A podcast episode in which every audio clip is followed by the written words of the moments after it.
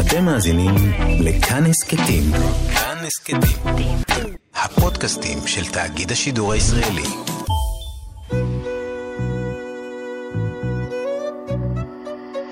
ליסה פרץ משוחחת. שלום לכם מאזינות ומאזיני כאן תרבות. באולפן ליסה פרץ ואני משוחחת עם אנשי ונשות תרבות לחיים והיצירה. עורכת התוכנית ענת שרון בלייס, והאורחת שלי היום היא הסופרת מעיין איתן. יש לה ספר ביכורים חדש בשם אהבה, שראה אור בסדרת מעבדה בהוצאת רסלינג. השם של הספר מתעתע, ותכף גם נגיע לתעתוע הזה. יש לו שני חלקים. החלק הראשון נקרא מילים זונות, והחלק השני נקרא אהבה. בפתח הספר, לפני שאת מתחילה עם הטקסט שלך, מעיין, מופיע הציטוט הבא. החלטתי בסופו של דבר שאלוהים עשה מעשה נתעב בהחלט כאשר ברא את האישה. נדהמתי לגלות שהאמן כה גדול היה יכול לסמוך ידו על יציר בריאה כה משוקץ, כיוון שהאישה, על סמך דבריהם, היא כלי קיבול המחביא לפני ולפנים את כל הרעות והחטאים. זאת מתוך עיר הנשים של קריסטיאן דה פיזן. כן. אמרתי את השם נכון. שלום, מעיין. שלום, ליסה. שלום.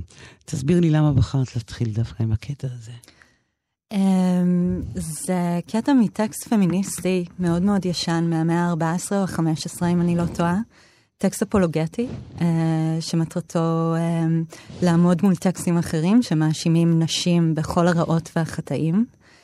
Uh, הרגשתי שאני יוצרת בספר מין דמות כזו של uh, uh, מכשפה. Uh, מישהי שיש לה כוחות מאוד מאוד גדולים, היא משתמשת בהם אמנם בעיקר כנגד עצמה, אבל שיש לה הרבה מאוד כוח. Uh, והדמות הזו מעוררת התנגדות גם. Uh, היא עוררה התנגדות בי כמחברת שלה. ורציתי בפתח הספר להביא איזשהו, אה, לא אזהרה, אבל, אה, אבל אה, לא יודעת בדיוק איך לקרוא לזה. רציתי, כן, אולי כן, להזהיר, שמדובר כאן בכוחות מאוד חזקים שעומדים לפעול. בתוך הספר. בתוך הספר. אוקיי.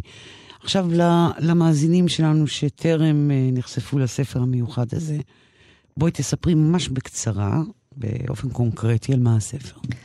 שני חלקיו. Uh, הספר עוסק בעולם uh, של uh, נערות או נשים צעירות שנמצאות בזנות, זונות. הוא מלווה אותן כשהן נכנסות ויוצאות ממכוניות של זרים, מדירות של זרים. במשך הרבה שנים ככה תיארתי אותו, ספר על חבורה של ילדות זונות, נכנסות ויוצאות ממכוניות, מסתכלות זו בזו. לא קרה שם הרבה. אה, אחר כך, אחרי כמה שנים של כתיבת החלק הראשון, הוספתי את החלק השני. והחלק השני כבר מייצר איזה עולם שיש בו לפחות פרספקטיבה, אם לא אינטרוספקטיבה, אה, ביחס לעולם שמוצג במילים זונות, עולם הזנות. אה, ומה, איזה פרספקטיבה הוא מציע, החלק השני? בניגוד לחלק הראשון, שלא מציע שום או כמעט שום הסברים פסיכולוגיים או פילוסופיים, להתנהגות של ליבי, הגיבורה שלי, לבחירות שהיא עושה, לה, אה, לעובדה שהיא עובדת מין. אה, החלק השני מציע איזה תיאור של העבר שלה, אפשרות להסבר, אף על פי שאני בעצמי התנגדתי לזה הרבה זמן, כן יש שם אפשרות להסבר, אפילו הסבר פסיכולוגי.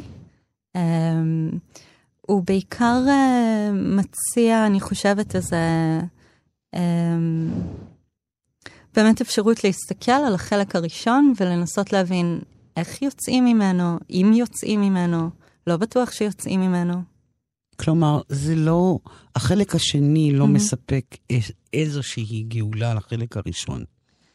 הוא לא מספק גאולה, um, הוא כן מספק, um, לדעתי, um, ממש הרגעים האחרונים בספר, מספקים איזושהי אפשרות ל... לבחירה. של הדמות הזו האמיתית. אני לא אגיד אפשרות לעתיד אחר, זה נראה לי גדול מדי. את חושבת שנאמר גורל כזה שאת מתארת בספר, הוא, הוא מתחבא בכל פינה לאישה? אמ, ברמות כאלה ומשתנות? איזה גורל? גורל של uh, חזרה אינסופית על הטראומה? לא. Uh, גורל של התמודדות עם uh, מבטים, עם תשוקות של אחרים, עם אלימות? בטח, בכל מיני דרגות. ומסירת הגוף? Uh, אני חושבת שאת יודעת, אני, אני מקווה בשביל כל אחת שהיא לפעמים מוסרת את הגוף שלה.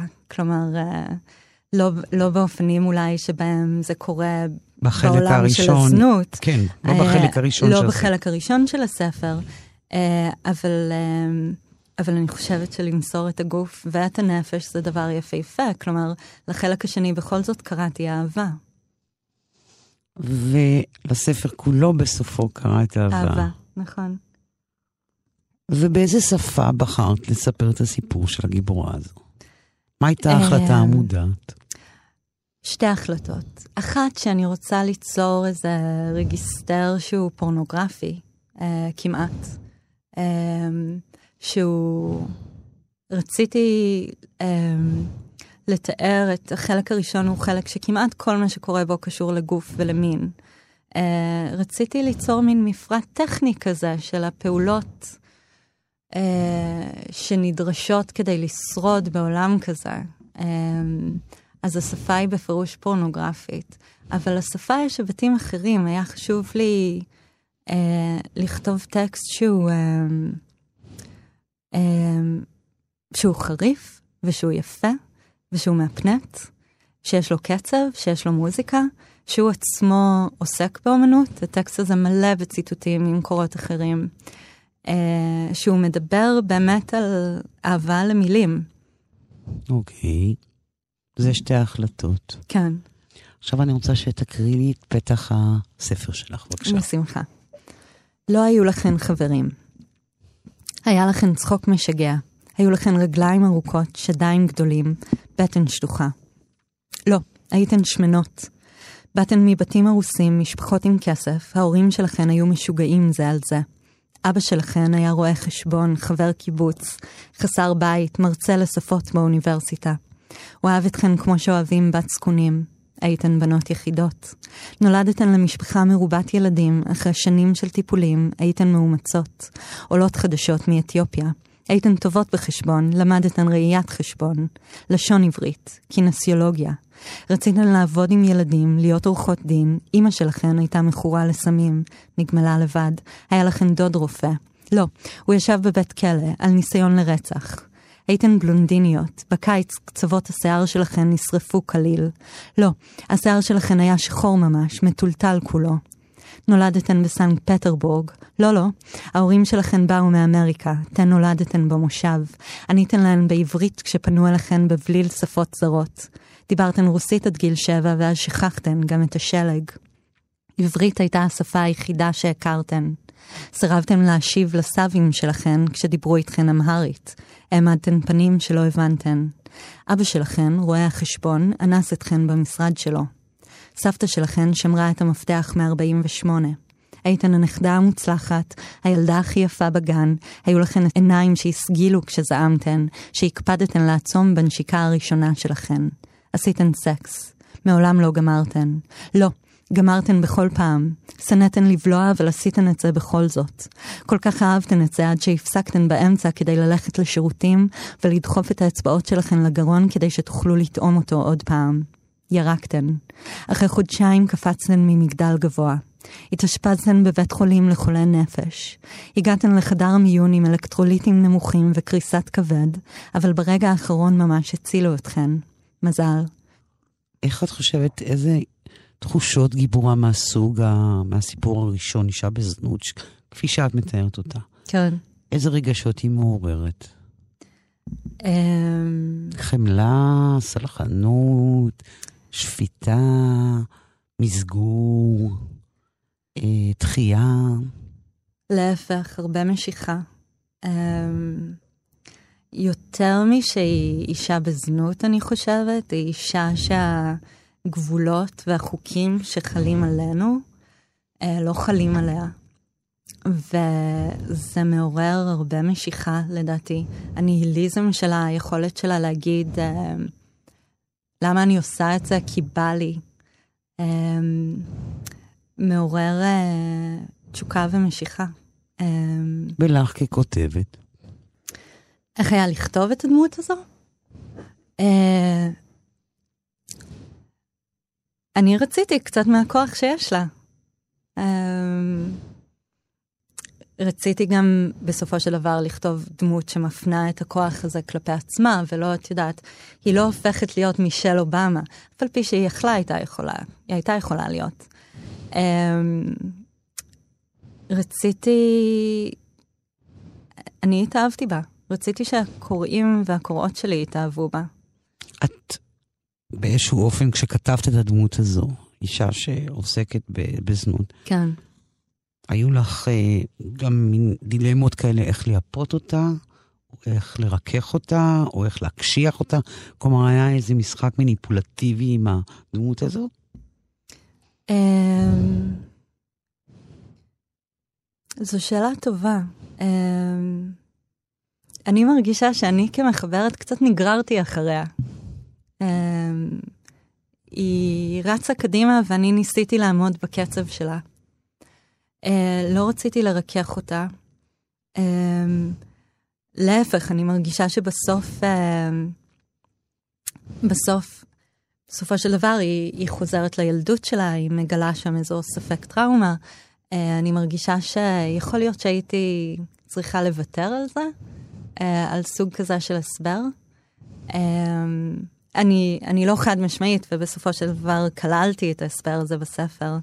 אני לא מתחרטת על זה, אבל uh, אני כמחברת הרגשתי, זה, זה מצחיק, זה נשמע כמעט מיסטי, אבל אני הרגשתי שאני צריכה לעמוד בקצב של הדמות הזו.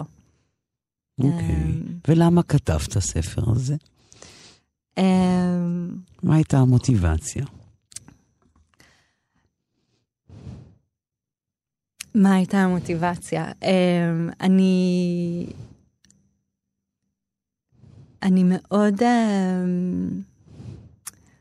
גם אם, גם אם את סוג החוויות שלה אני לא מכירה מיד ראשונה, או לא את כולן, uh, הרבה ממני מושקע בדמות הזו.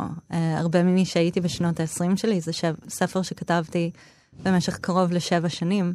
זה ספר שכתבת שבע שנים. זה ספר... 88 עמודים שלמים שכתבתי במשך, uh, נגיד הייתה שנה של עריכה מאוד מאוד משמעותית. אוקיי, okay. לקזז את זה. עם נעמה צל, נגיד שש שנים. אוקיי. Okay. כן. ושוב, למה כתבת אותו? אמ, אני חושבת שבסופו של דבר רציתי לכתוב על, על מישהי בעולם בלי חוקים, שנורא נורא רוצה לאהוב. נורא רוצה שיאהבו אותה. וזה עולם, עולם מקביל אלייך, עולם שנושק אלייך, עולם שאת לקחת אותו מתוכך ושמת אותו עם, את יודעת, עם סובלימציה mm-hmm, ספרותית. Mm-hmm. איזה מהאופציות? Um, בטח, כלומר, אני uh, כבר מהפתיחה של הספר, uh, אני מציגה איזה מין אינבנטורי uh, כזה של, uh, של דמויות של נשים, ואני מצמצמת אותו לדמות אחת שהיא למעשה לפחות ב... Uh, uh, את יודעת, היא, היא, היא למעשה איזה מין uh, השתקפות שלי. Um, אני... אני בטוחה שנורא מטרידים אותך עם השאלות האלה. עם השאלות האלה? פחות ממה, ש... פחות ממה שחשבתי, אבל נורא מעסיק אנשים אם עשיתי מחקר. וזו שאלה שמצחיקה אותי, גם כי אני קצת עצלנית. אה, בעיניי היא שאלה מקוממת, ולא מצחיקה. כי זה לא, זה לא טקסט דוקומנטרי, זה לא טקסט מחקרי. Um, אני... Um, אני לא חושבת, uh, כאילו מה שמניע את המוטיבציה שעומדת, או הסוג הרציונל שעומד מאחורי הסוג כזה של שאלה, היא שיש אנחנו ויש הן. וכשאת כותבת, את כותבת או עלינו או עליהן, ואם את כותבת על משהו שנראה כלא קשור לחיים שלך, אז ודאי שאת תדברי איתן. ואת תשאלי אותן על החיים שלהן. תסתמכי עליהן. כן, אבל, אה, אבל את יודעת, את שאלת לפני רגע אם, אה, אם אלה דברים שלדעתי כל, אה, כל, כל אישה באיזשהו אופן מכירה. ו, ואני חושבת שכן, אני חושבת ש, אה, שאנחנו מכירות גם יופי גדול ביחסים עם גברים, אה, וגם כאב מאוד מאוד גדול. אה, ושהספר מדבר על היופי והכאב האלה. הוא גם כמובן מדבר על הסבל הנורא של מי שמוצאות את עצמן בעולם שאנחנו מדמיינות, כשאנחנו מדמיינות את העולם התחתון, אה, עולם של, את יודעת, סמים, סרסורים, אה, נשים פצועות, כאילו אני, אבל, אבל יודעת, הספר... את גרה, כן. גרת או גרת בדרום תל אביב. נכון, כן. וכשאת יוצאת מהבית שלך לרחוב, באופן פיזי, כן. זה נוכח. נכון. ותמיד מעניין אותי איך נשים, כשהן יוצאות לרחוב ורואות את הדבר הזה מעבר לפינה, או ממש מול הדלת של הבית שלהן, איזה מין תגובה זה מעורר בהן. ואני אני תוהה לעצמי אם נשים מרגישות איזו שותפות גורל, או, Mm-hmm. או כמי שנמצאת בקצה של שרשרת המזון. כן. אנחנו כולם על אותו רצף. שאלה אם זה משהו שאת, כשראית דבר כזה, שאת רואה את הדבר, איך את מרגישה כלפי נשים מהסוג הזה? איך את מגיבה אליהן? תראי, אולי קודם אני אתחיל בלהגיד שהספר לא עוסק ב... בחוליה החלשה ביותר ב... בשרשרת המזון. כלומר, אה, אה, הנשים הצעירות שאני מתארת בספר הן אה, נשים שעדיין לא השתפשפו מספיק בעולם הזה כדי להיות, הן לא ג'אנקיז מכורות לסמים בתחנה המרכזית. אה, יכול להיות שהן יגיעו לשם. זהו, שהדרך לשם תהיה יותר כן. מהירה, מ- מאשר השכנה שגרה מעליי. מעליהן, נכון, נכון. אבל, אה, אבל אז את באמת מבינה שאת מדברת על רצף, ושאת מדברת על רצף של, אה, של כאב ותקווה. ואת מדברת כמובן מהצד השני על רצף של אלימות. ואיזה מין, חוץ מבחלק השני, לסמן איזה אזור טראומטי, מהמם. ולהבין שיש אולי קשר בין הטראומה כן. הספציפית לבין למה שהיא נהייתה, כן, איזה מין אופציה את מציעה כמחברת כן, לאישה צעירה כזו, כן. שעדיין לא הפכה להיות באמת החוליה הכי נוראית? כן. כלומר, את מציעה לה אה, זוגיות, את מציעה לה ילד, את מציעה לה בריחה, את מציעה לה לשנות את מינה, מה את מציעה לה? וואו, בתור מה? בתור כותבת. בתור כותבת? אני מציעה לה לכתוב. מה אני יכולה להציע לה? זה הכלי הכי חזק שאני מכירה. רוב האנשים בעולם אין להם את הגישה לכתיבה, נכון, כך שזה נשאר באיזה גדר מו, כמעט אה, נכון. פריבילגי. נכון. אבל אז, אמ, אבל זה הדבר היחיד שאני יכולה להציע כמחברת. כעובדת סוציאלית, לו הייתי, הייתי יכולה להציע משהו אחר. אה, לא, כמי. שאחראית על כסופרת, אמ, אני מציעה לה לשבת עם חברים טובים, לשתות אלכוהול, לעשן ג'וינט, ולמצוא מקום שבו היא תוכל להניח את הראש שלה בלילה, שאינו רחוב. אבל את מבינה? גם זה מאוד קשה, לא בטוח שזה פחות קשה מכתיבה. ברור. כן, עכשיו דיברנו על העולם הגברי, כן, והייתי רוצה להבין איך הוא בתוך הספר הזה מתפקד. כן. מה הוא בדיוק? הוא האויב, הוא הקליינט, הוא, הוא המעטפת, הוא, הוא מחולל הטראומה, מה הוא בדיוק? הוא כל, הוא כל הרצף שבין, אה, אה, כן, האויב לאוהב. כאילו, והוא לפעמים גם זה וגם זה. תראי, הספר מוקדש לארבעה גברים. מי הם? מי הם? אה, בן הזוג שלי לשעבר, ושלושת החברים הכי טובים שלי, אילן, איתמר ועודד. חברים ותיקים מאוד. אמ, גברים מופיעים בספר בכל מיני אופנים. אמ, אמ, בכוונה יצרתי טשטוש בין דמות המאהב לד- לדמות הפוגענית. אמ, אני חושבת ש... אמ, הדברים שהיה אה, חשוב לי באופן, אה, אני אגיד כמעט מודע, אה, ליצור בספר, זה אה, תיאור של מערכות יחסים הטרונורמטיביות, אה, שבהן מפעפעת אלימות. כלומר, כלומר, הספר באמת מבחינתי השאלה הגדולה שהוא מציב, זה איך אפשר לייצר מערכת יחסים של אהבה אה, בעולם שקיימת בו גם זנות. בעולם שקיים בו אונס, בעולם שקיימת בו אלימות.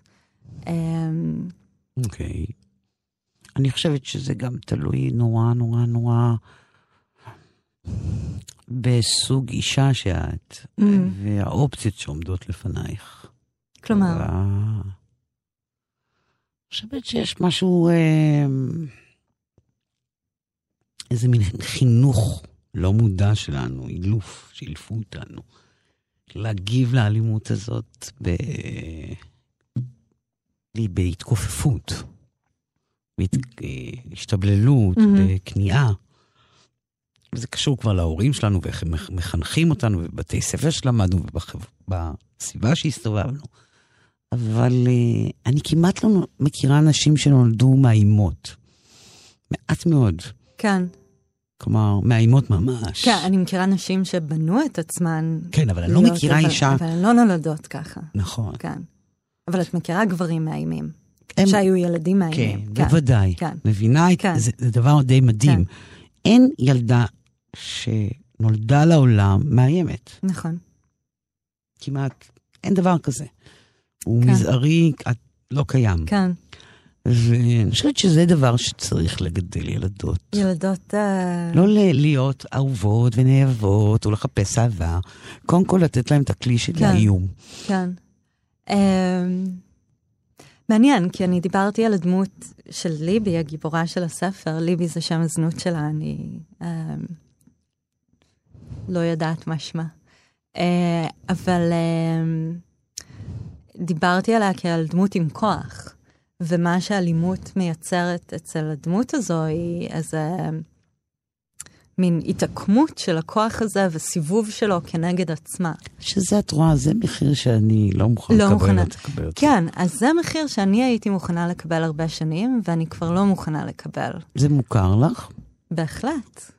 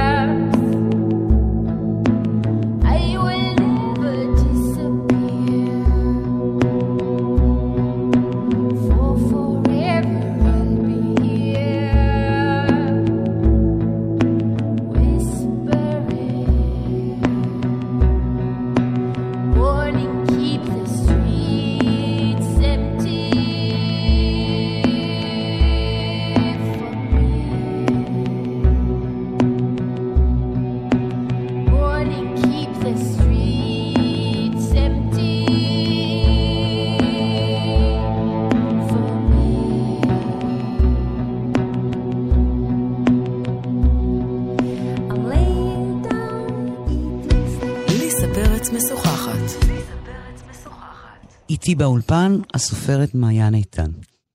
אני אשאל את זה בפשטות. יצר הרס עצמי הוא דבר שמוכר לך. אה, אני, אני די משוכנעת שזו חוויה אנושית בסיסית, אבל על הרצף של החוויה הזו אני נמצאת בקצה אחד. אוקיי. כן. ואיך זזים מהקצה הזה? רציתי להגיד בהרבה מאוד מאמץ, בהרבה מאוד תקווה, בהרבה מאוד מאמץ, עם חברים טובים. אמ, אמ, תראי, לי היה הרבה מזל. אמ, מה המזל שלך? המזל שלי הוא שהייתי תמיד מאוד אהובה, והמזל שלי הוא שהיה לי כישרון. ואני זוכרת את עצמי מגיעה בגיל 17 לבית חולים פסיכיאטרי, מסתכלת מסביב, אה, ואומרת לעצמי, המזל שלך זה שאת מאוד אהובה, שיש לך הרבה מאוד כישרון. ושלושה חודשים לאחר מכן, אמנם עדיין הייתי מאושפזת, אבל כבר התחלתי תואר ראשון באוניברסיטה. אה, ואלה דברים שאני יכולה רק... כאילו השכל זה, זה מתנה לצאת מהדבר הזה? אה, השימוש בו אולי. היכולת להסתכל על העולם ולהפיק ממנו מסקנות. Uh, כי אז את אומרת, טוב, כאילו, עשיתי טעות. וחזרתי על הטעות הזו, וחזרתי עליה שוב. באיזשהו שלב זה נהיה משעמם, את מפסיקה לחזור על הטעויות האלה. אוקיי, okay. ואם כבר נגענו באשפוזים, את נגעת.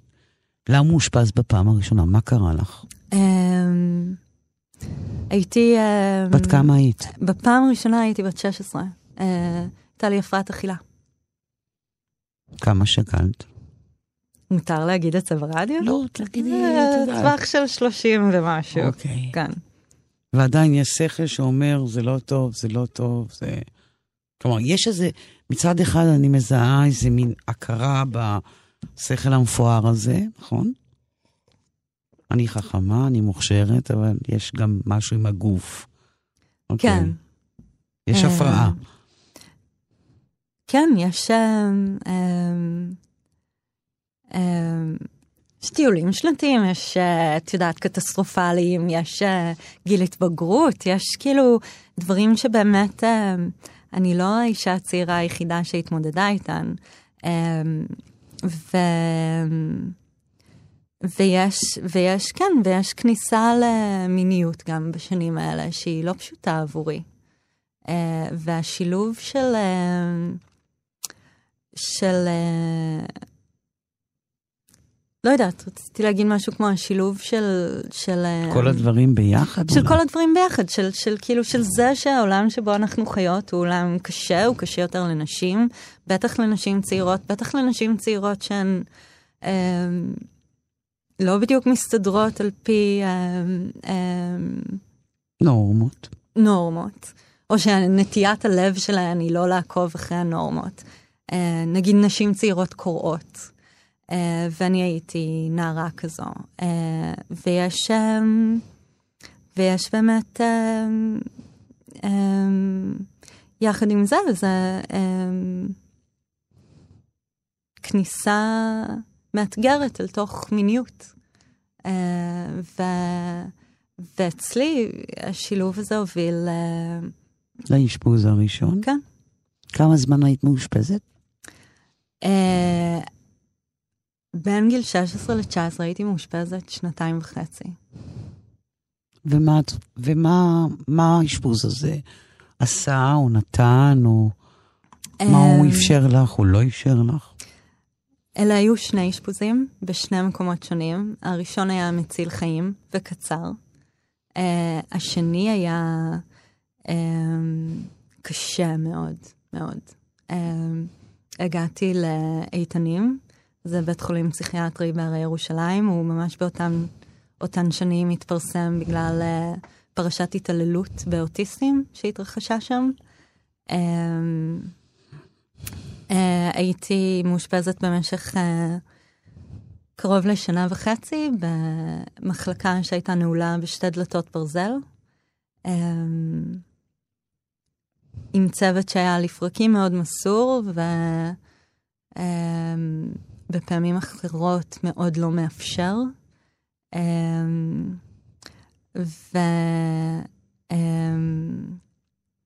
והחוויה של להיות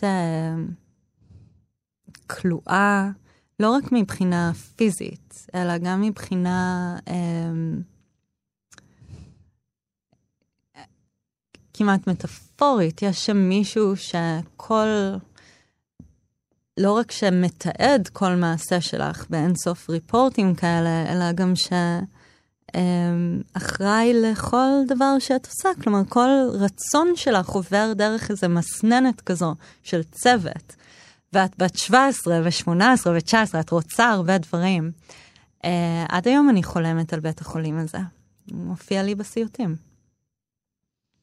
ועדיין לא פחדת שנכנסת אליו, או שכן? Uh,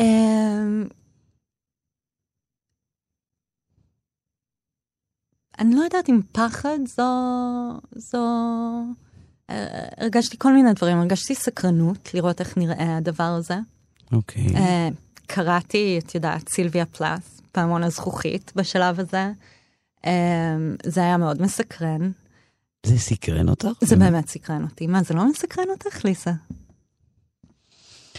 אני יכולה לחשוב על חללים אחרים שמעניינים אותי, או מסקרנים אותי, אבל לא, לא, זה לא מסקרן. אותי, אותי בתור נערה אה, שקראה סילביה פלאט, ושכאילו... יסלח לי אלוהים, אני אהבתי את סילביה, אבל כל הזמן שקראתי אותה, אמרתי לה, סמרטוט רצפה, קומי, קומי על הרגליים כבר, תני לו סטירה, תעיפי אותו דרך החלון. כלומר, תנהגי ב... כן, ואת יודעת, יש למשל את המודל של אנ סקסטון, שגם קראתי באותה תקופה, שהיא... כן. אמ, שהיא... אמ, אגב, היה אפיגרף שני לספר שירד.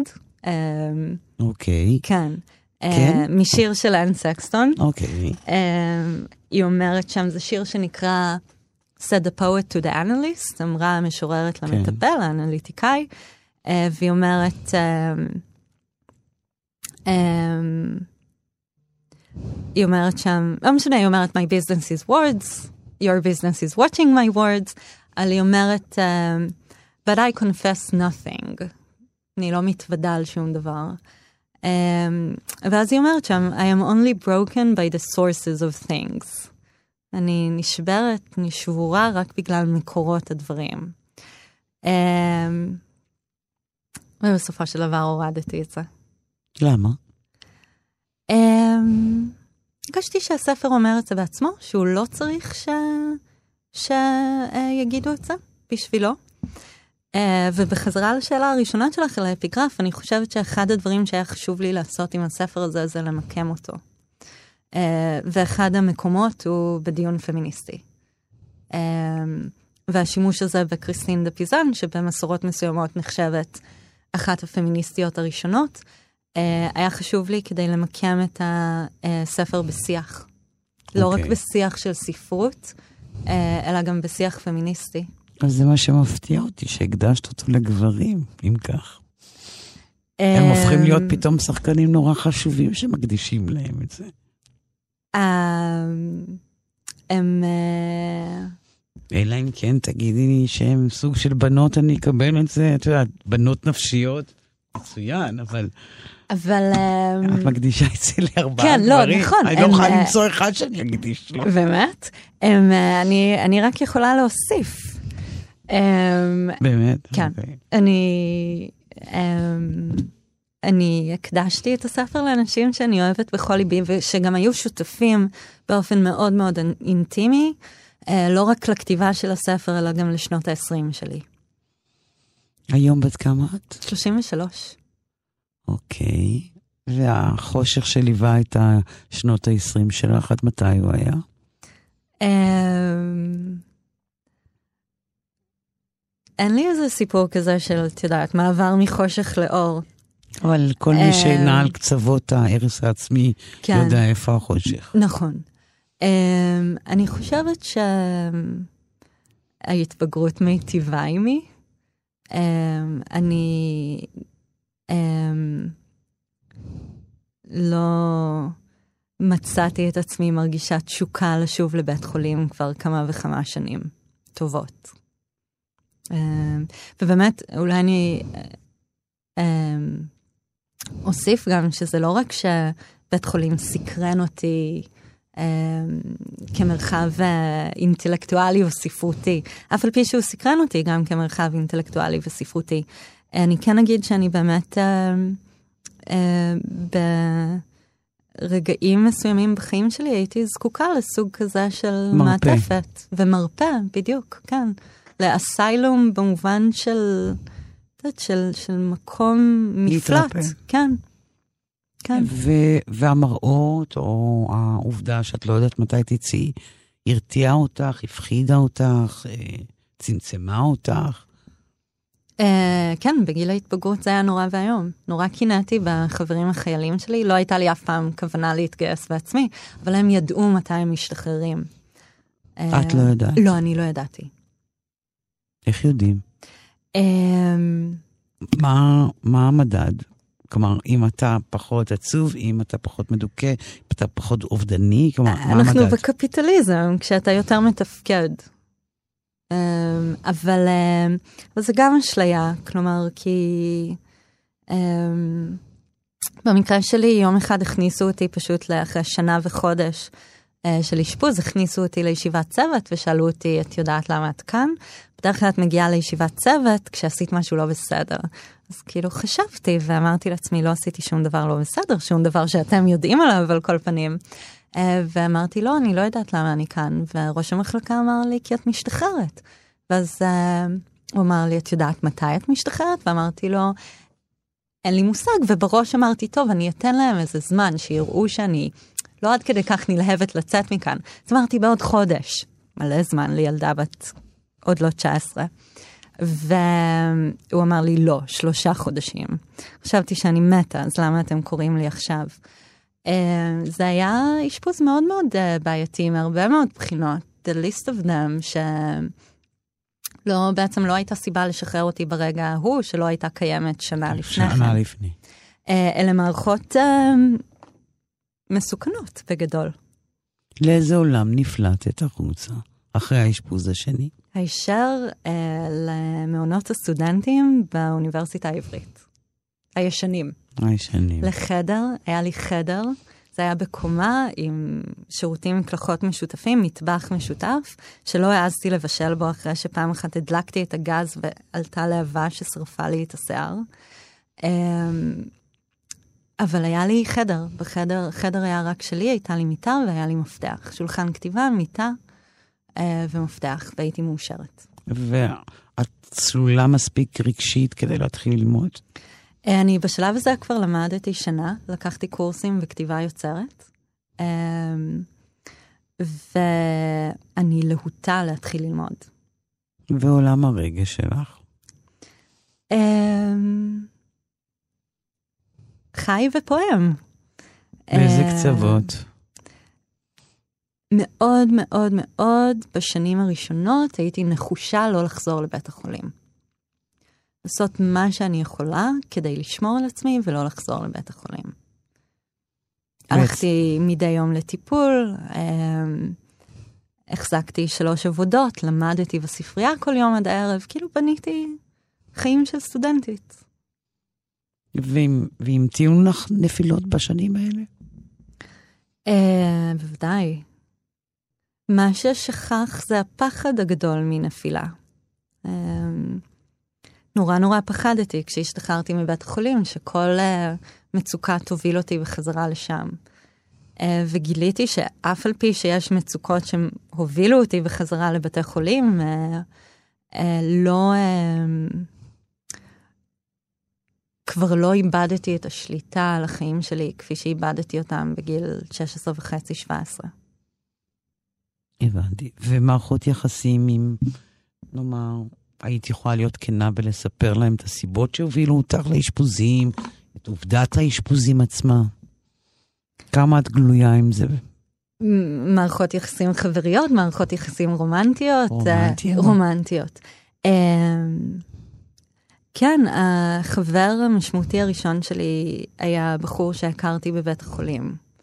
היה לנו את זה במשותף, היינו ביחד שלוש שנים. גרנו ביחד בסופו של דבר אחרי שהוא השתחרר לפניי, אני השתחררתי שנה אחריו. אה, זו הייתה מערכת יחסים מאוד מאוד יקרה. ו... אמ, אני, אה, אני, אני באמת מאמינה באור השמש. אה, אני, כן? כן.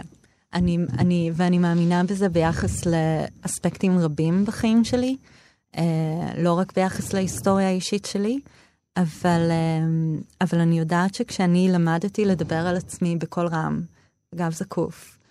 אמ, אז, אמ, אז הוא קל לי. כן, אנשים יכולים להיות מאוד שיפוטיים, בורגניים בעיקר. אנשים רובם הם בורגניים, גם אם ב... באופן הממשי הם לא. ב... זה נורא מצחיק, כי אני, לפעמים יוצא לי ללכת למשפחות של חברים או בני זוג, ואני מגיעה למשפחה נורמלית. אמ, את יודעת, אה, כאילו עורכי דין, רופאים, כאילו אה, כן. כן. כן, כן, לא, ברור, אבל המשפחה, כאילו, את יודעת, אני לא כל מי שאני רואה זה אומנים וסופרים, כאילו, זה... אני, אני מגיעה לבתים האלה ואני מרגישה נורא מוזר, ואני יוצאת משם והחברים שלי אומרים לי, או בן זוג, איך היה לך? ואני אומרת, לא יודעת, זו משפחה נורא מוזרה. היה לי נורא מוזר, אבל זה רק כי אני מסתובבת בין, כאילו, דרום תל אביב לנילוס, כאילו, זה המרחב שלי. כן, אבל אותי, העניין הזה שחבר שהיה הראשון mm-hmm. איתך באשפוז, זה גם מאפשר בחוץ להתמודד עם זה, עם עצם העובדה שהתמודדת עם, עם התמודדות נפש כן. מאוד מאוד קריטית. כן. עם ביוגרפיה כן. מאוד מאוד uh, מורכבת. אז ברור שחבר מהסוג הזה, זה גם מאפשר לצאת לחיים ביותר קלות. אבל נכון להיום את יושבת כאן ברדיו ומדברת איתי על זה, וזה... ברעיונות דיברת על זה? זה כאילו גלוי? זה, זה שם? אמ, ללא חשש לסטיגמות, ללא חשש ש... כן. אמ, בעיקר ללא חשש לסטיגמה. היה לי חשש קל אחרי שהתפרסם הריאיון בגלריה בארץ, בדיוק עמדתי לחתום על חוזה אה, לדירה. ובעל הבית התאחר לחזור אליי, וממש היה לי חשש שהוא קרא את הכתבה והחליט אה, לא להתעסק איתי. אה, אז חשש תמיד יש, את חיה בעולם, אבל, אה, אבל אני באמת מרגישה שאור השמש מחטא. אה, בכמה האפיזודות של הבתי חולים נכנסו לתוך הספרים, לתוך הספר, סליחה?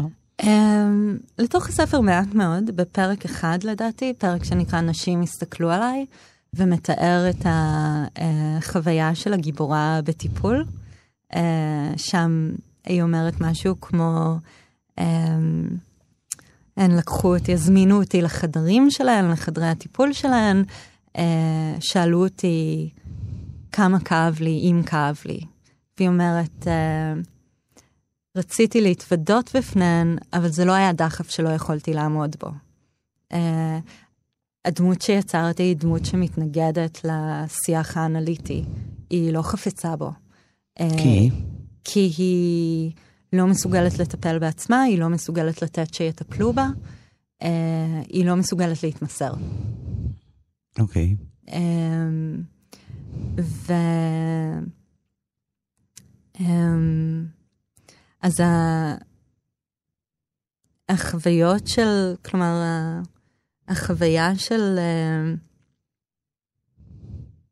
של אשפוז במובן של שהות במקום שבו דורשים ממך להתוודות על הכאב שלך, גם כשאת לא רוצה, אה, נכנסה לשם. אבל אני לא בטוחה שבית חולים זה המקום היחיד שבו נדרש ממך להתוודות על כאב, אה, גם כשאת לא רוצה. ברור.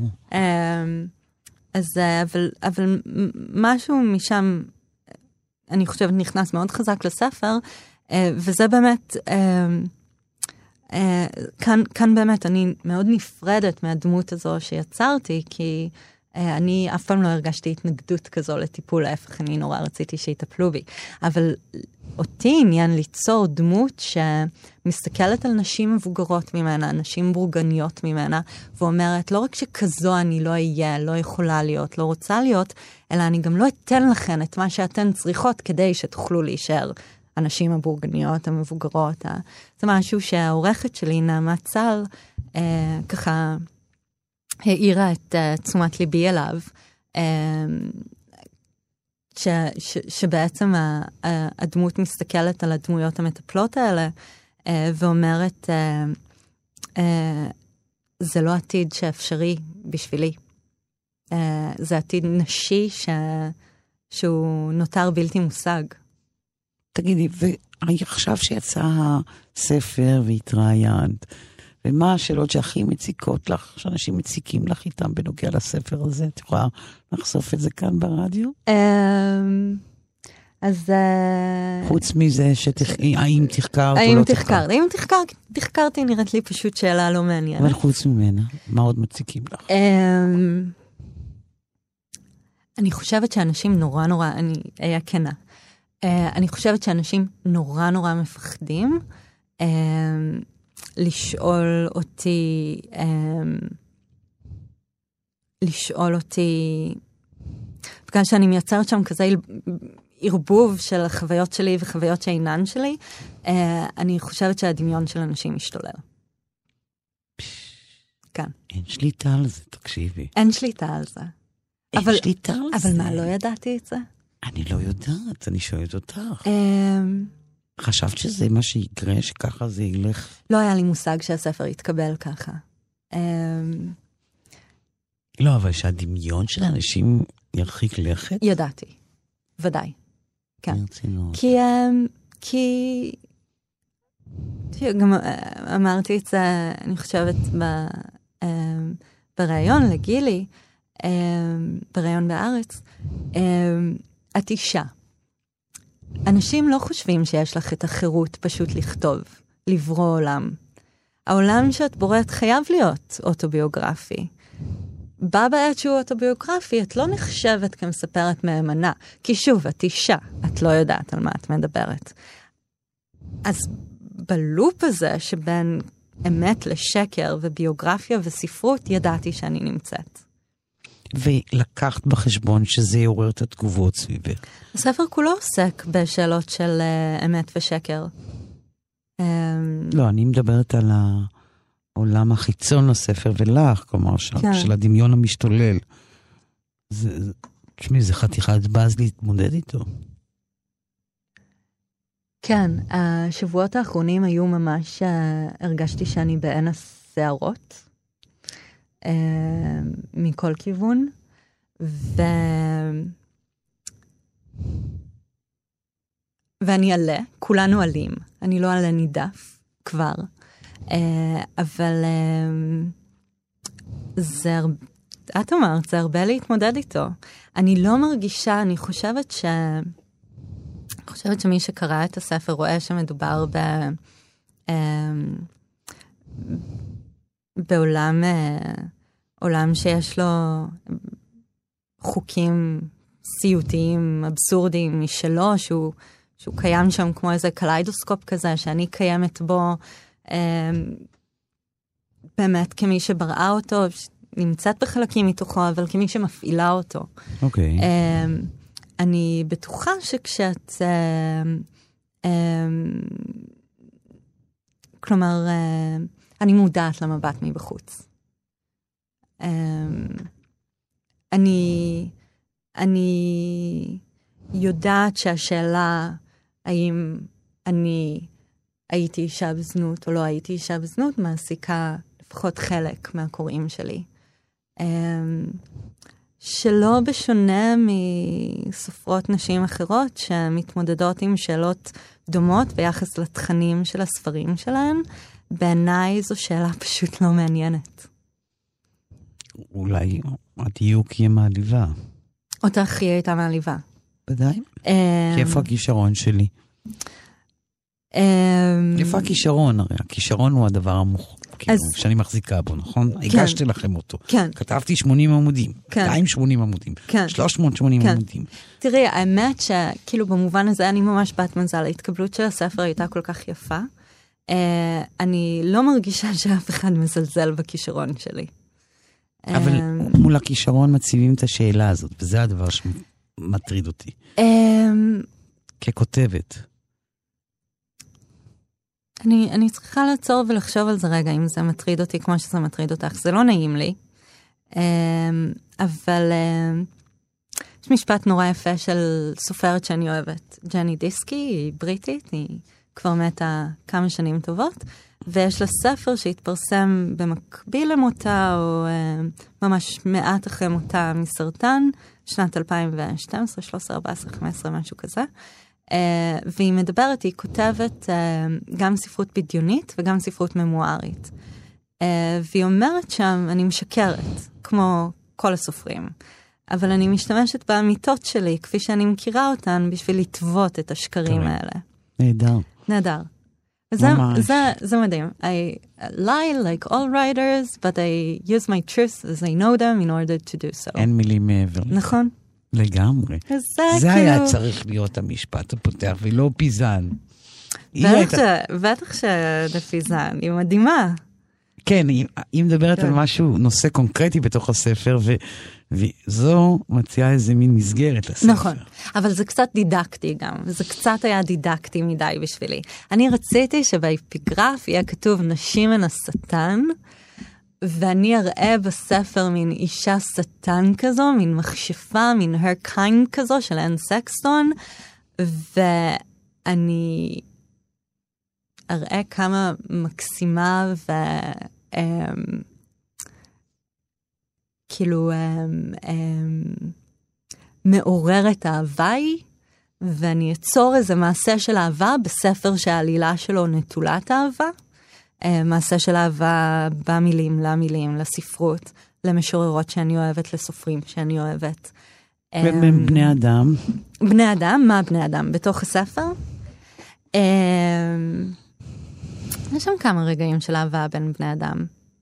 כן? כן, יש שם, אה, יש שם בפרק החמישי, שהוא גם הפרק הראשון שכתבתי, שנקרא גברים הסתכלו עליי. אה, בסוף סוף הפרק יש שם מין קטלוג כזה של גברים איומים ונוראים, ובסוף הפרק היא מתארת איך היא הולכת לקולנוע להצגה ראשונה, אה, להצגה מוקדמת עם חברי הילדות שלה, והם מסתכלים עליה בדאגה, והיא צוחקת, והיא שמה את היד על מפתח ליבם. אה, זה רגע אחד בספר. אני מנסה לחשוב אם משהו מהסוג שאת מציעה בספר הזה מהדהד לספרים אחרים שנכתבו בעברית. אם את מכירה או יודעת אמ, משהו שמוכר לך מהחוויה הזאת שאת מציעה בספר. מספרים קודמים, ההתעסקות הזאת עם גברים. לי היא מזכירה משום מה את ננו שבתאי. את ננו, כן, את ננו ננו שבתאי, את שבתאי. ספר הגברים. ספר הגברים של כן. ננו שבתאי. מאוד מאוד אהבתי אותו. אה, באמת? כן, מאוד. וגם את השירה של ננו שבתאי אני מאוד אוהבת. פרספקטיבה אחרת, אחרת לגמרי, לגמרי, אחרת לגמרי, אחרת לגמרי. לגמרי.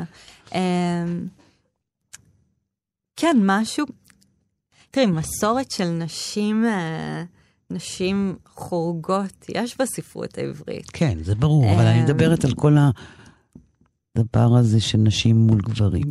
היחסים כן. האלה של שלה עם גברים. כן, זו חוויה שמאוד מוכרת לי מננו. שוב פעם, כן. זה באס- באספקטים אחרים לגמרי, כן. זה לא דומה. כן, ו... אבל זה כל הזמן התנועה הזאת, שהם בודקים אותה, היא בודקת אותם. נכון. הם בודקים אותה, היא בודקת נכון. אותם. נכון. מערכות יחסים כמעט כלכליות, גם אם אין בהן נכון, כסף. כן. נכון, נכון, לגמרי. אמ, לחלוטין. אני, בשלב שבו קראתי את הספר של ננו שבתאי, הספר שלי כבר היה בעצם, כתב היד כבר היה גמור מינוס פרק או שניים. אה, אבל מאוד מאוד אהבתי אותו. כאילו ידעתי ש... אז אולי זה מדבר, אולי ש- סוג של החיות. כן, רוחניות שיש, כאלה. שיש מין איזה בת שיח כזו לדבר איתה. אוקיי. אמ, כן. ואת כותבת את הבא כבר? אני כותבת כל מיני פרויקטים קטנים ואני מתחילה לחשוב על הבא. כן, אוקיי. כן. את רוצה להגיד לי לאיזה כיוון זה ילך? אמ, עדיין לא. נהדר. אז כאן אנחנו צריכים לסיים. נהדר, תודה רבה, עם. הסימן שאלה הזה. כן, לגמרי. לגמרי, בדיוק כאן. אז אני רוצה להודות לך על השיחה הנפלאה הזו, מעיין איתן. בשמחה, תודה ליסה. עד כאן השיחה עם הסופרת מעיין איתן, באולפן ליסה פרץ, עורכת התוכנית ענת שרון בלייס. אפשר להזין לתוכנית שלי בדף ההסכתים של תאגיד השידור. תודה לכם ולהתראות.